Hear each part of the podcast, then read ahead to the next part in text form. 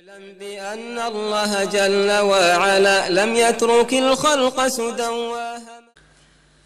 بسم الله الحمد لله الصلاة والسلام على رسول الله. استعين بالله لا حول ولا قوة إلا بالله. اللهم لا سهل إلا ما جعلته سهلا وأنت تجعل الحزن إذا شئت سهلا. اللهم أرنا الحق حقا وارزقنا اتباعه وأرنا الباطل باطلا وارزقنا اجتنابه ولا تجعل الحق ملتبسا علينا فنضل اللهم آت نفوسنا تقواها وزكها أنت خير من زكاها أنت وليها ومولاها برحمتك يا أرحم الراحمين. ربنا لا تزغ قلوبنا بعد إذ هديتنا وهب لنا من لدنك رحمة إنك أنت الوهاب. اللهم يسر ولا تعسر. اللهم بارك وتمن بالخير. اللهم حبب إلينا الإيمان وزينه في قلوبنا وكره إلينا الكفر والفسوق والعصيان. واجعلنا برحمتك من الراشدين. اللهم أصلح لنا ديننا الذي هو عصمة أمرنا وأصلح لنا دنيانا التي فيها معاشنا وأصلح لنا آخرتنا التي فيها معادنا. واجعل الحياة زيادة لنا في كل خير واجعل الموت راحة لنا من كل شر لا إله إلا الله ولا حول ولا قوة إلا بالله أما بعد Sva hvala i zahvala pripadaju samo Allahu, savršenom gospodaru svih svjetova. On zbog svoje savršenosti svu hvalu zaslužuje i pošto je samo On savršen, samo On svu hvalu i zaslužuje. On iz svoje savršenosti savršeno gospodari svojim stvorenjima, nepogrešivo im propisuje i određuje, daje i skraćuje, pa na svemu što nas zadesi od dobra i musibeta, Allah subhanahu wa ta'ala svu zahvalu zaslužuje. Od njeg pomoć, oprost i uputu tražimo, jer koga Allah ne pomogne, odmognuti i nikoga pomoći ne može, kome Allah ne oprosti, pravedno će ga kazniti, a njegova kozna je bolna, i teška je koga Allah subhanahu wa ta'ala uputi na pravi put, a je upućen i nema mu zablude, nikomu ne može nauditi ako je na pravom putu. Ako ga Allah subhanahu wa ta'ala pravedno u zabludi ostavi, tome nećeš naći ni pomagača, ni upućivača, kao što uzvišeni kazuje. A zatim, nastavljamo sa govorom o Allahu subhanahu wa ta'ala.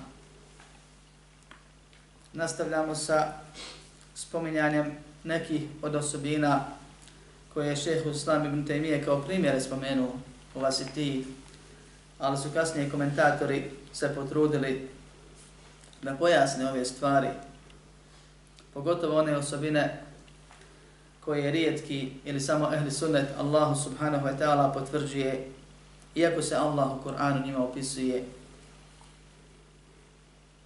Govorili smo prošli put o Allahovoj subhanahu wa ta'ala sveobuhvatnosti u odnosu na njegova stvorenja, to je da Allah prostorno i vremenski u svakom drugom smislu obuhvata, kontroliše, zna, upravlja, uređuje i tako dalje svoje stvorenja, i da između ostalog zbog toga na kraju dersa malo smo spomenuli da je to jedan od razloga ko što Allah kaže to vakela al-hayy alladhi la yamut. Osloni se na živo koji ne umire da se samo na njega rob u potpunosti može smije i mora da osloni a te je predavanjem srcem predano srca vezanje srca za Allaha subhanahu wa ta'ala, predanost srcem Allahu subhanahu wa ta'ala, potpuna sigurnost, oslonac, naslanjanje, prepuštanje, iz ubjeđenja da će biti samo onako kako Allah svakako hoće i da sve što Allah subhanahu wa ta'ala odredi da je to hajr u konačnici, a zatim činjenje od uzroka za postizanje željenog ili izbjegavanje neželjenog onoliko koliko je to u mogućnosti samo. Pa čovjek može da uradi malo uzroka zato što je toliko može. Nepotpune uzroke. A da dobije potpune rezultate. I može da uzme sve uzroke, a da ne dobije nikakve rezultate. Jer bit će onako kako je određeno već. I Allah je taj koji daje, a ne daje uzroci i sebe. I na Allaha se oslanja, a sebi se radi, pritome se na Allaha samo oslanjajući, a ne na sebe. Nakon toga šeh spominje dva ajeta, započevši priču, i zato nakon toga slijedi niz drugih ajeta o Allahom subhanahu wa ta'ala znanju. Mi večeras nećemo govoriti o tome, nego ćemo spomenuti one osobine koje prethode ovoj, a ostavit ćemo njegovo uzvišeno ime Al-Alim za sljedeće predavanje. Pa kaže šeheh wa qavluhu i njegove riječi, to jest Allah subhanahu wa ta'ala, wa huwa الحكيم وهو al-hakim, wa huwa al-hakim khabir Kaže Allah subhanahu wa ta'ala opisujući sebe na jednom od brojnih mjesta u Kur'anu kojima su spomenuta ova dva imena wa huwa al-alim al-hakim. U drugom ajetu koje je šeheh ovdje spomenuo odabrao wa huwa al-hakim al-khabir. Imamo ovdje dva ajeta, u svakom ajetu se spominju dva Allahova subhanahu wa ta'ala imena, s tim da se jedno ime ponavlja u oba ajeta, pa ćemo ako Bog da večeras, a jedno ćemo ime, to jest Al-Alim, onaj koji sve zna, ostaviti za sljedeći put, pa ćemo se skoncentrisati znači na ime Al-Hakim, kao što je naslov predavanja, tako je naslovljen. Al-Hakim, onaj koji je beskrajno mudar, neizmjerno mudar, beskonačno mudar, između ostalog znači. A ima još drugi stvari. Kaže, wa huwa alimun hakim. On je onaj koji sve zna i koji je beskrajno mudar. El Hakim je od korijena Hakim, mim ili Hakeme, što znači suditi između ostalog sve propisivati i znači isto tako dakle je hikmet ili mudrost. Pa Al-Hakim, pored toga što znači da je Allah subhanahu wa ta'ala mudar, pa ćemo objasniti inša Allah šta je to prava mudrost. Al-Hakim znači da je Allah subhanahu wa ta'ala jedini koji propisuje. Jedini koji sudi i presuđuje. Koji, koji ima pravo koji to istinski čini. Jedini koji određuje. A zatim također znači da je neizmjerno, beskrajno, u potpunosti sa svih aspekata mudar. Pa kad određuje i kad propisuje i kad presuđuje i sve ostalo što čini Allah subhanahu wa ta'ala iz mudrosti djeluje. Zašto ovo ovako govorim? Jer postoje sekte u islamu koji kažu da Allah radi čisto iz htjenja, bez nekih ciljeva. Radi šta hoće i tačka. I nema tu nekog cilja iza. Allah subhanahu wa ta'ala u nama najbitnijem ajetu kaže وَمَا خَلَتْكُ الْجِنَّ وَالْإِنْسَ إِلَّا لِيَعْبُدُونَ Nisam stvorio džine i ljude ni zbog čega drugog osim sad samo mene obožavaju. Da samo meni ibadet čini. Dakle, govori da je on stvorio i govori da ima razlog. I mnoštvo je dokaza šerijatskih. Plus stvarnost, logika, razum, nužno ukazuju na to. Da pametan čovjek i ole mudar čovjek ne radi, ne djeluje, ne trguje samo da se obraće, bez obzira da li zaradio, izgubio, nek se radi. Ne gradi samo da se zida, bez ikakvog cilja, plana, potrebe. Nego ko, ko je i ona razuman, a što mudri, to više planira i ciljeva ima i drugačije i neobično i neshvatljivo dijeli odnosno na one druge koji su manje mudri. Kod insana je to potpunost, osobina mudrosti, što podrazumijeva pametno djelovanje sa određenim ciljevima i planovima. Allah subhanahu wa ta'ala je savršen, potpun, opisan i na, nazvao se i opisao imenom i osobinom mudrosti. I dođu Allahovi robovi i kažu Allah ne radi s razlozima, ne radi s mudrosti, nema ne se to, iza toga ništa drugo, nego samo onako radi zato što hoće. S druge strane, postoje ljudi koji pokušavaju zato što vjeruju u ono što su vjerovali muslimani od uvijeka. To je da Allah subhanahu wa ta'ala djeluje, dakle određuje, propisuje i sve druge stvari što se dešavaju iz mudrosti i da u njegovim riječima i dijelima subhanahu wa ta'ala imaju mudrosti, a ne jedna. Pokušavaju neki ljudi da dokuče te stvari. Da shvate, da spoznaju, da pobroji, da pre, prenesu, pojasni. I odgovor takvima je, kad budete imali Allahovo znanje, moći ćete pobrajati i shvatiti i pojasniti drugima Allahove mudrosti. A s obzirom da je to nemoguće, mi od tih stvari znamo ono što je razumski dokućivo s jedne strane, a toga je malo, ili ono što nam je u šarijaskim i drugim dokazima pojašnjeno. A to je također nepotpuno.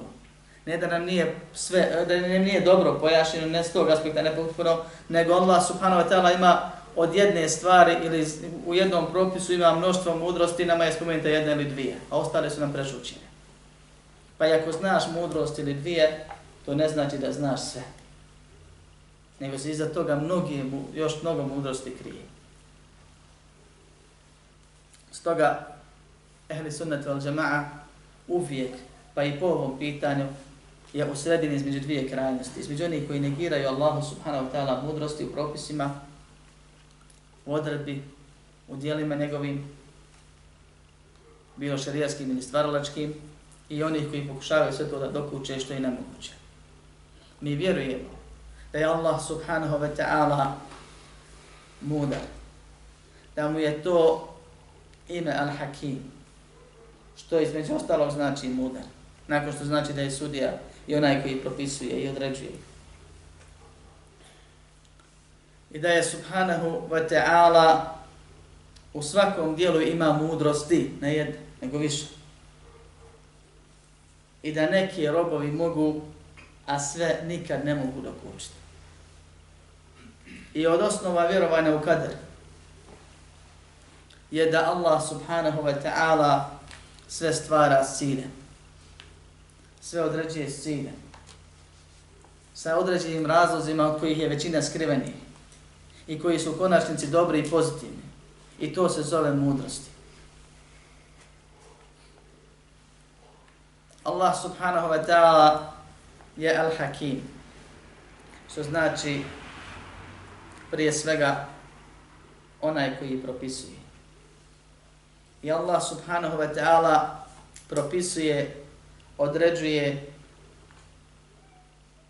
sudi i presudu donosi. Nagrađuje i kažnjava. Allah subhanahu wa ta'ala ima dvije vrste svog suda i svojih propisa. Šarijatski i stvarolački i svi smo mi u potpunosti potčinjeni jednom i drugom vrsti. A između njih je velika razlika. Allah je propisao čovjeku da živi, nije ga pitao hoće li neće. Propisao mu je da mora da raste, da stari i da umre. I to onda kad Allah hoće. Propisao mu je da mora da jede, da pije, da kao vrsta mora da se razmnožava, da mora to hrani, hranu i piće da izbacuje onako kako mu je propisano. I još mnoge druge stvari, da se spava, da spava, da se odmara, da se trudi, da preživljava. I ljudi to rade silom. Tako su stvoreni, tako more i ne mogu pobjeći. I tom Allahovom sudu su svi podčinjeni. Pored toga Allah subhanahu wa ta'ala je propisao šarijat u kome se nalaze set propisa vezani kako rob treba da vjeruje, da shvati, da doživi svog gospodara i svoj odnos prema njemu. Po pitanju objeđenja. Zatim kako rob da djeluje po tom vjerovanju. Kako rob da se ponaša prema drugim robovima. I to za svaku vrstu od njegovih robova posebno. I ko se počinjava tim propisima, taj je vjernik. Dobio je u okviru Allahovog suda, sud da je vjernik. Ako odbije te propise, također za njeg ima Allahov sud. Huwa alladhi khalaqakum faminkum kafirun wa minkum mu'min. Ona se stvorio ima nevjernika, ima vjernika, kaže. Neki su nevjernici, neki vjernici. I riječ nevjernik je Allahov sud. I spominje se, i koristi se, i vjeruje se, i premjenjuje se, i prema takvim djeluje se samo onako kako je Allah propisao. Po šarijastim uvjetima. A ne kako ja ili ti ili ovaj da onaj. Ali ako nevjernik ne želi, ne vjeruje u šarijat, ne želi da ga primjenjuje, ne radi ništa od njega, to ne znači da, ne on nije, da njega šarijat nije obohvatio. Jest. Na ovom i na onom svijetu. Na ovom svijetu je dobio naziv i propise kao nevjernik i obavezao vjernike da se prema njemu opode onako kako se muslimani trebaju da opode prema nevjernicima u dobru i zlu, u miru i ratu i tako da ne različiti su propisi. I na onom svijetu ima sud. Mora da umre ko svi ostali ljudi i mora da proživljen bude i mora da mu se sudi i mora da dobije ono što je zaslužio svojim djelom, odnosno ne djelom. Tako da su i šarijatskom propisu i ovom stvaraloškom kosmičkom propisu i sudu svi počinjeni. Niko nije pobjegao. Samo su neki upućeni pa rade ono što Allah subhanahu wa ta'ala hoće i s je zadovoljan i dobit će ono što je Allah za takve pripremio za one kojim je zadovoljan, a drugi su odbili pa će dobiti ono što su zaslužili. Jedini Allah subhanahu wa ta'ala kao stvoritelj čovjeka, džina i svega ostaloga, ima pravo da propiše njima zašto da žive, koliko da žive, kako da žive u pitanju prirodnih stvari, isto tako šta da rade, zbog čega ih je stvorio, zašto da žive, kako da žive na ovom svijetu i kako vječno da prođu na ahiratu po pitanju njegovog šarijeta. I niko nema pravo da propisuje propise vezani za vjerovanje, djelovanje, obhođenje, osim Allah subhanahu wa ta'ala. Stvorite ljudi koji zna šta ljudima treba. I kad bi se svi skupili, najpametniji, prvi i posljednji, i osmislili sebi, a to je nemoguće, nekakve zakonike, oni ne bi bili ni slični Allahovom šarijetu. A kamo li isti, identični. I sigurno bi tu bilo nepravde. I sigurno bi tu bilo štete. Kad bi im bilo dozvoljeno da radi. A znamo da nije dozvoljeno i da sud pripada samo Allahu, uzvišom kao što Allah u Kur'anu kaže. S druge strane, Allah subhanahu wa ta'ala u svemu što je odredio, stvorio, propisao kaderom, propisao šarijatom. Allah je to iz razloga pozitivnih propisao koji se mudrosti nazivaju. I Al-Hakim znači mudri. I to neizmjerno mudar. Čovjek po pitanju znanja i neznanja, ispravnog i neispravnog djelovanja, može da bude u jednoj od tri kategorije. Može da bude zolomčar, pravedan ili mudar. Zulumčar je onaj koji stvari stavlja na mjesto gdje, gdje nije mjesto tamo. Gdje ne odgovara. To je zulum. Po definiciji. Da uzmeš nečije pravo, prisvojiš sebi ili daš nekome drugom. Ili bilo koje stvara, stavljane stvari tamo gdje im nije mjesto. To je zulum. Pravda je da staviš stvar zato što znaš gdje im je mjesto i staviš, a ne znaš zašto to treba tako. To zove pravda. Staviti svaku stvar na svoje mjesto, dati svakome njegovo pravo, to je pravda. A učiniti to iz razloga pozitivnih koje poznaješ, to se zove mudrost. I zato mudri ljudi nekad kad rade, kad trguju, kad nešto drugo rade, bilo što, neka sebi dozvole da namjerno, svjesno negdje izgube da bi na drugom mjestu dobili. Dok onaj koji je pravedan, koji samo osnove zna, ne zna da gleda malo dalje, on gleda sve da stavi na svoje mjesto i čuva sve. I ne zna da proračuna da nekad rizikuje pa profitira kasnije. Također Allah subhanahu wa ta'ala je pravedan. I zulumčar nije bio ni će kad biti. I pored pravde, on je mudar. On stavlja svaku stvar na svoje mjesto i to bezgrešno čini, nemoguće da pogriješi, bez greške, savršeni. Bilo u stvaranju, u sudbini, određivanju sudbine, ili u šarijetu u propisima. I to radi zato što zna i hoće, namjerava određene koristi. Pa stvori i blisa kojeg mrzi. I zna da će mu biti nepokoran. I stvori nevjernika, zna unaprijed gdje će završiti. A nije ga on prisilio. Sam je odabrao. Iz mudrosti. Od mudrosti je to je njima iskušaj vjernike i da vjernici imaju tu borbu između dobra i zla i da se izbore i da se pokaže na kraju kako prolaze oni koji su sa Allahom dobri, a kako prolaze oni koji su samo sebi ugađali i tako dalje i tako dalje. Pa Allah subhanahu wa ta'ala kad nešto određuje ili kad nešto propisuje u smislu šarijeta, Allah subhanahu wa ta'ala to čini iz koristi određenih, ne koristi nešto što mu treba, nego iz pozitivnih rezultata i koji se zovu mudrosti. I ono što je stvorio samo po sebi, ima određene mudrosti u načinu njegovog stvaranja. Nije slučajno stvorio upravo takvog i tu, tu, tu količinu, taj broj, tu veličinu nečega, bilo dobrog ili lošeg. Plus, ne stvara ništa samo s posebi, samo zbog sebe, nego zbog određene funkcije koju će raditi na ovom svijetu i određenih mudrosti koji će se pokazati ja na dunjalku ili na ahiretu. Allah subhanahu wa ta'ala kad govori o sebi i koristi ime El Hakim i Hakeme Jahkumu koristi to u, mis, u, u, u kontekstu suđenja šerijatskog ili u kontekstu suđenja odredbi, to jest odredbi, propisivanja.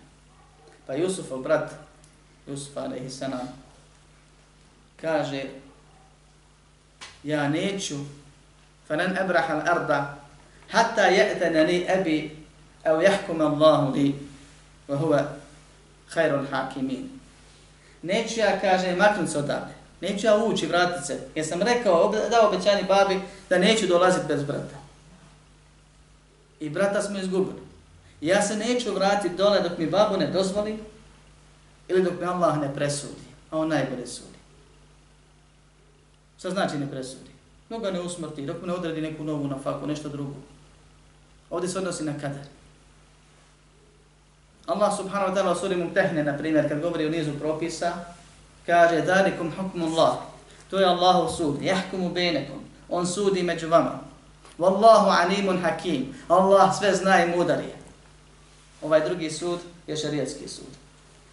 Isti se koristi glagol, nešto se odnosi na sudbinu, nešto na šarijat. Jer Allah sudi na dva načina i određuje na dva načina i na kraju će da svima da konačnu presudu na osnovu znači našeg života i iskorištavanja tog života, rađena i obhođena prema šarijatu. Pa nije isti onaj koji je mogao, onaj koji nije mogao i tako dalje.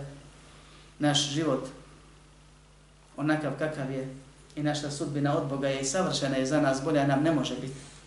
Svakog od nas pojedinačno. Ostane naš odnos prema Allahom šarijatu, pa će ti Allah subhanahu wa ta'ala pravedno ili s milošću presuriti na sudnjem danu na osnovu tvog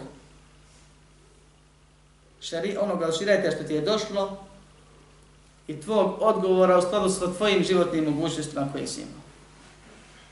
Pa kaže Allah subhanahu wa ta'ala la yukellifu Allahu nefsan illa wus'aha.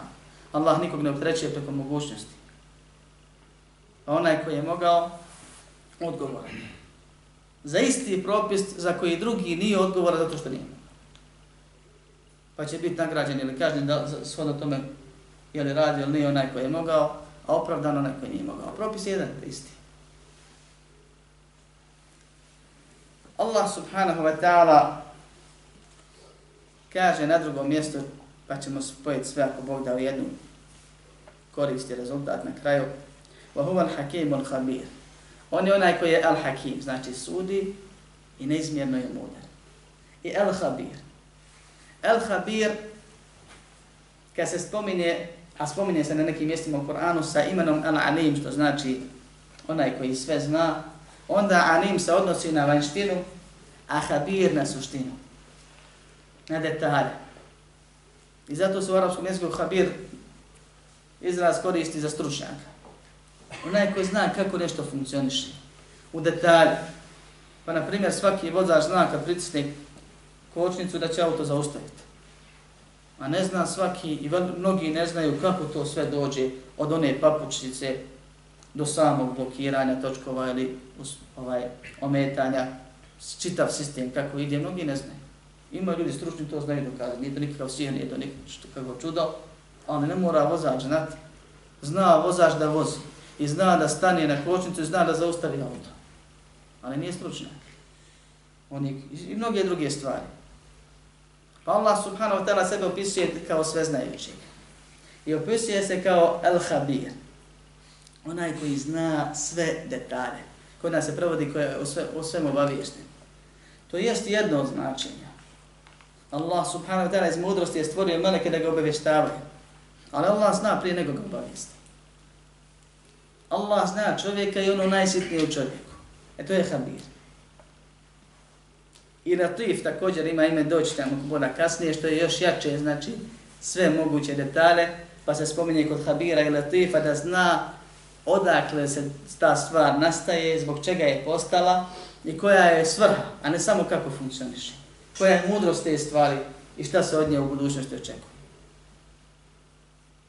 Dakle sam spominjao onaj hadis da Allah subhanahu wa ta'ala vidi crnog mrava u crnoj noći na crnom kamenu i čuje topot njegovih koraka, on zna također sve o njemu.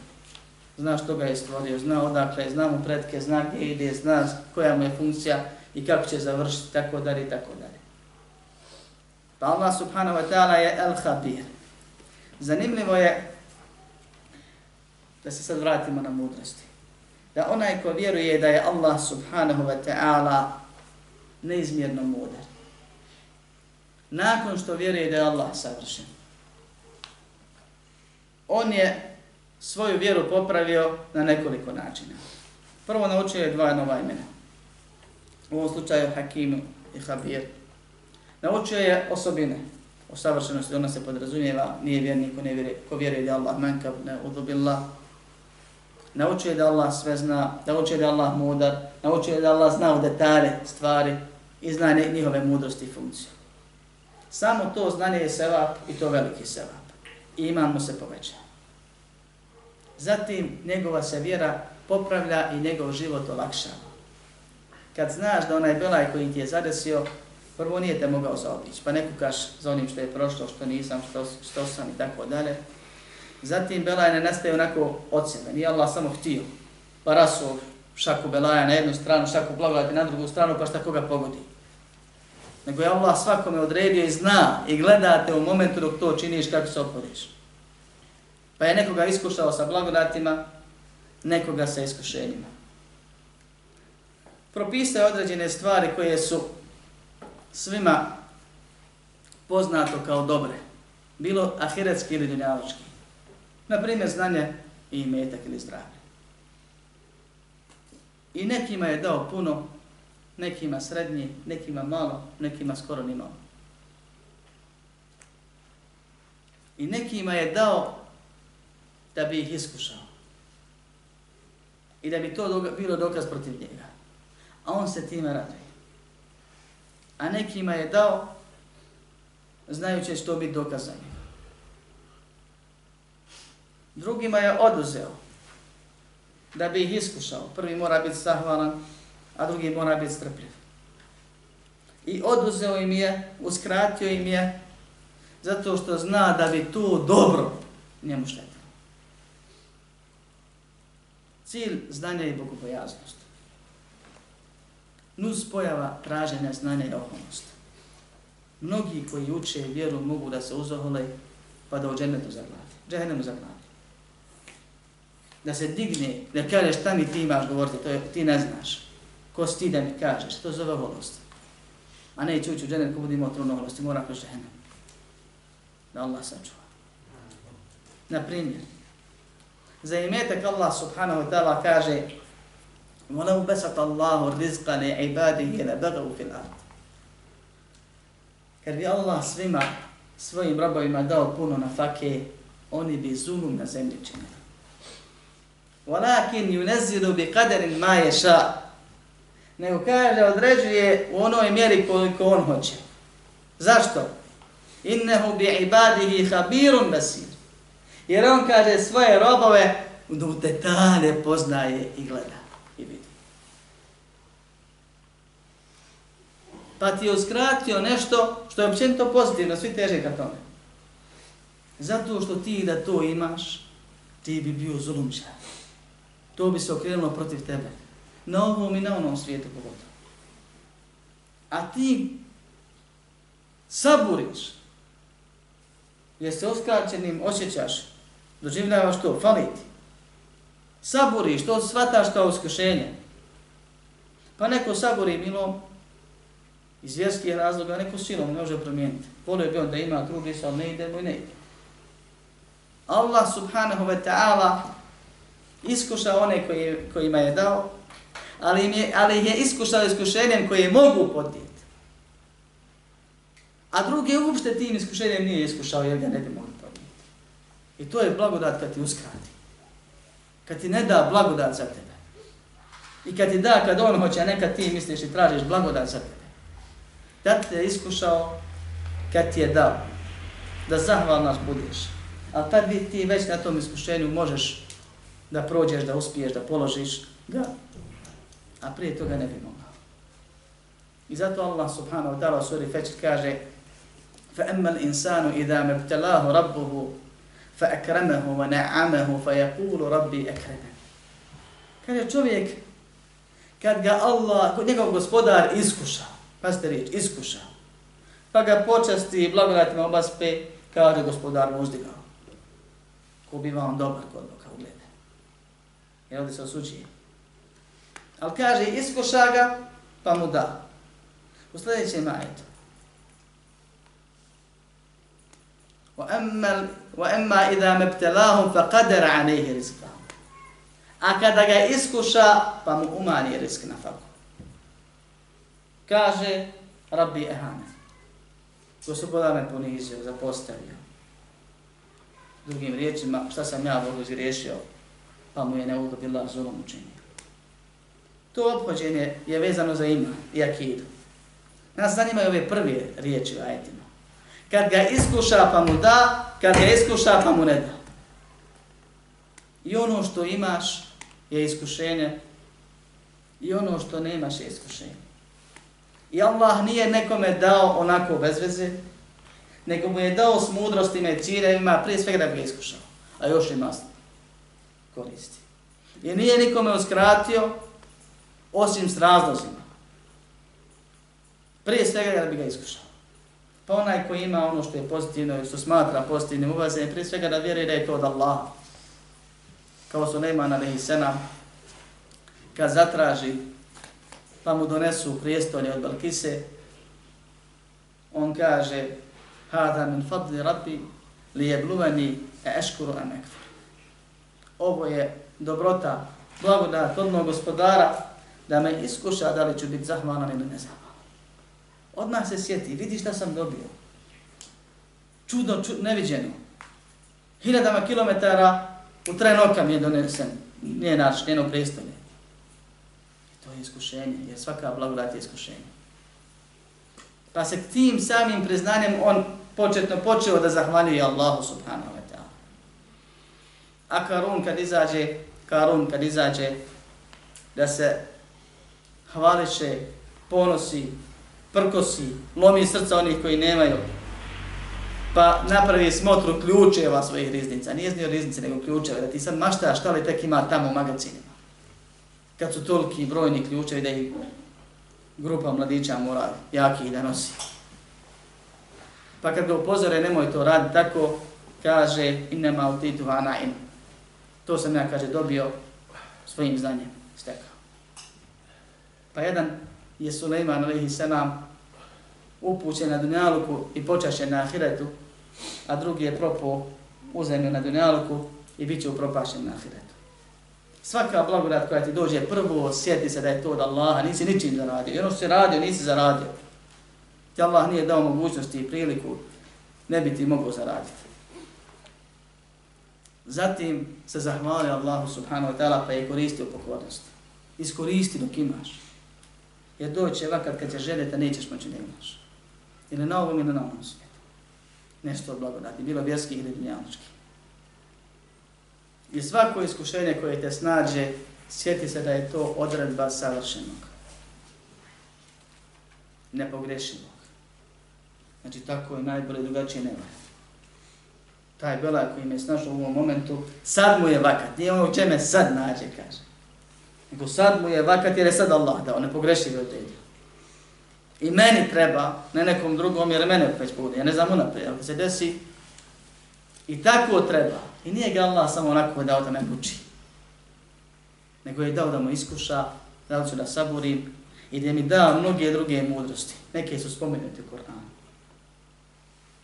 Pa Allah kaže da sve što nas sadesi, da je to bima kesebete i diku mojafu an ketir, ono zbog što smo mi zaradili svojim rukama, a kaže on mnoge stvari, mnoge grijehe i oprosti, znači sljedeći. Ja sam određenim grijehom kojeg sam učinio, džahennem zaradio. Sekunda, sekunda. A i više, i više od toga uvijek. Džahennem je, ako uzmemo obzir samo vatru, neostale vrste mučenja, 70 puta bolni prženje od ove dinjaločke vatre nakupilo se grijeha, Allah od prve ne kažne orba. Kad su ashabi uhvatili čovjeka da krade, pa govali ga, pa došao i kaže, ali nemojte me sjeći ruku, kaže, prvi mi je put, kaže, vallahi nije ti prvi put, Allah nikog ne sramoti od prvi put. Morao si to zaraditi. Kaže, ono što vas zaresi, to je zato što ste zaradili, a množko oprosti. Ti skupiš deset greha, primjer govorim samo, ne, Allah zna kad, koliko i zašto. Allah te, te iskuša za dio toga. Sedam, osam, četiri, tri. Jer mnogo je suprotno mnogi, znači jedna grupa. Ne mora biti pola pola, ali za dio te iskuša, a dio ti već oprostio. Samim tim iskušenjem ti je dao nekakvu kaznu, siromaštvo, bolest, neuspije, bilo šta koja je neuporedivo banja od one ahiretske. Zatim to obavezao i baljetom, a to je sabor. A sabor ti je najlakše na kadaru, jer ništa svakako ne trebaš raditi. I znaš da ne možeš ništa promijeniti, i sjedi, šuti, nastavi dalje živjeti. Tam se ne, nemoj kukat sam. To je sabor.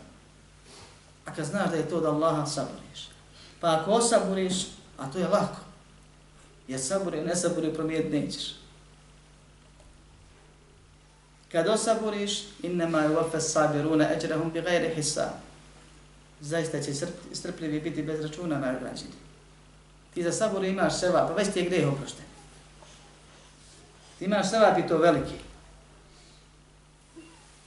Iman ti se poveća shodno i baretu jačini sabora. Na kraju, kad saberemo odnos prema blagodatima, i odnos prema iskušenjima. Kad osaboriš na belaju, znaš da to nije onako bez veze, nego da je Allah subhanahu ta'ala mudri i te iskušao i da promijeniti ne možeš i da svakako je bilo onako kako je on odredio i da saborit moraš i da osaboriš i da ti time bolnu patnju ukinuo zato što te za neke grije na dinaluku iskušao i da ti je seba veliki za sabor propisao i da si ti u plusu s jedne strane. Kad ti da blagodat, obraduješ se i to je prirodno i obavezan si da se malo zagrineš, zamisliš, prokontaš, jer svaka blagodat je iskušenja. Pa ako si uzdignut po nekom pitanju u odnosu na fazu prije, znaj da je mnoštvo ljudi onih koji su na prošloj fazi ostali i ispod toga su bili mnogi drugi, pa se sjeti njih, pa im preusmjeri dio onoga što ti Allah dao. Sjeti se da je to iskušenje. Nemoj misli da si dobar kod Boga, pa te Allah počasti zato što si dobar. Nego te Allah iskušao. I zahvali se Allahu i znaj da za da Allah kaže wa se jeđzi Allahu Allah će nagraditi zahvalne i da za tu zahvalnost imaš sevap. I da onaj ko se Allahu zahvali na blagodatima, Allah mu blagodati čuva i poveća. La in šekertum la ezidennekom. Ako budete zahvalni, ću vam povećati. Zbir ovog odnosa rezultira sreću. A čovjek nije sretan ako nije siguran. Onaj ko zna ljude ili nekog od ljudi kojemu kad čestitaju rođendan kažu da ti Bog da zdravlje, sve ti je drugo u životu dao, zato što ne znaju njegovo stanje. A s druge strane, došlo je do njega nešto od njegovih muka i belaja koje ima zbog svog lošeg odnosa prema svom gospodaru. Vidi da nije sreća imati sve na ovom svijetu. I da oni koji su sigurni, smireni, oni su sretni. الذين آمنوا ولم يلبسوا إيمانهم بظلم أولئك لهم الأمن وهم مهتدون. Oni koji vjeruju i svoje vjerovanje sa širkom ne miješaju. Takvi su, kaže, sigurni i upućeni. Takvima Allah obećava sigurnost i uputu. Sigurnost i uputu na ovom svijetu i sigurnost od kazne i uputu u džennet na ahiretu. Znaš da ono što te zadeslo nije te moglo zaobići. I ono što te zaobišlo nije te moglo zadesiti. I ono što ti Allah uskratio, to je dobro za tebe. I ono što ti Allah dao, to je dobro za tebe, ali ujedno iskušenje. Osaboriš na musibetu, zahvališ se na blagodati. Allah ti blagodati povećava. Iskušenja ti povećava zato što se vjera povećala, ali ti daje iskušenja onoliko koliko uvijek možeš podnijeti. Nisu laka, ali su podnošljive. I što više rasteš u vjeri, raste tvoja sigurnost, jer se više na Allaha ostvanjaš. Znaš da on ne radi onako, nego iz mudrosti raznorazne. I sretni budeš na ovom svijetu. A u sreći na ahiretu će govoriti oni koji doživi. Da nas Allah počesti. Jer znajte da Allah subhanahu wa ta'ala kad propisuje u šarijatskom smislu također Allah ima toliko mudrosti da svaku stvar onako kako je propisao, iz mudrosti je propisao. Pa na primjer podnije namaz farz ima četiri rekiata i tako treba da bude i tako i najbolje. Pet ne valja, tri ne valja. To znamo kad znamo, zato što znamo da je već Allah odredio. I nije slučajno tako. I to mudrost ima. I mudrosti tog propisa i tog broja imaju. Zna ih ko? Allah. Nije nam nužno. A sam namaz, kao namaz, i broj pet obaveznih namaza i ta podne u okviru tih pet također je propisana ne zbog sebe, zbog sebe, sam taj propisivanje ima svoje mudrosti, nego je propisana zbog drugih mudrosti opet, koje onaj ko ih bude obavljao, nešto doživi na ovom, nešto na ovom svijetu, a nešto samo Allah zna. Pa kada je tako sa jednim propisom obični, najsitniji detalj Allah bilo koji je propis na neki sunet, mustehab, sam po sebi je iz mudrosti propisa, plus ono što proizilazi iz tog propisa, također prouzrokuje raznorazne, ima iza sebe raznorazne mudrosti. Kako je tek sa cijelim mojim i tvojim životom? Allah te stvorio, počastio, uputio, dao ti blagodati, gledate, zna detalje, Zna o tebi sve, a ti o sebi malo znaš, a kamo ne o drugima i o životu. Zna tvoju budućnost, sve ti isplanirao, ne moraš da misliš. da se brineš, samo da radiš, da se trudiš. Prepustiš se. Ko med kad se prepusti onom koga gasoli, pa se ne buni, ni hladno, ni vrelo, ništa, okreće ga kako hoće. Više od toga se čovjek treba da prepusti Allahu subhanahu wa ta'ala, bude smiren, siguran uz njega. Čime god da ti se prijetiš, šta god da strahuješ, šta god imaš, bojiš da ćeš izgubiti, ili nemaš, bojiš se da si zadesli do belaja, samo se sjetiš da bit će ako Allah. Ako ti je suđeno, neće ti umaći. Ako ti nije suđeno, nećeš stići. I predaš se. I živiš. I trudiš se da što više dobra činiš, a greha se kloniš, a u samom svom načinu života bilo da je slabiji, srednji ili jači u smislu šarijetske primjene, svakako ćeš da uživaš. A što bolji vjernik, taj je sigurniji, smjereniji i srećniji na ovom svijetu prije onog svijeta. Jer nisu isti oni koji čine dobro i oni koji čine zlo, ni na ovom ni na ovom svijetu. Pa molim uzvišenog njegovim imenima i svojstvena da dok živimo stalno, trajno i uvećano dobro činimo, a kad preselimo da smrtne buke budu zadnje zlo koje osjetimo, amin, walhamdulillahi rabbil alamin. اعلم بأن الله جل وعلا لم يترك الخلق سدى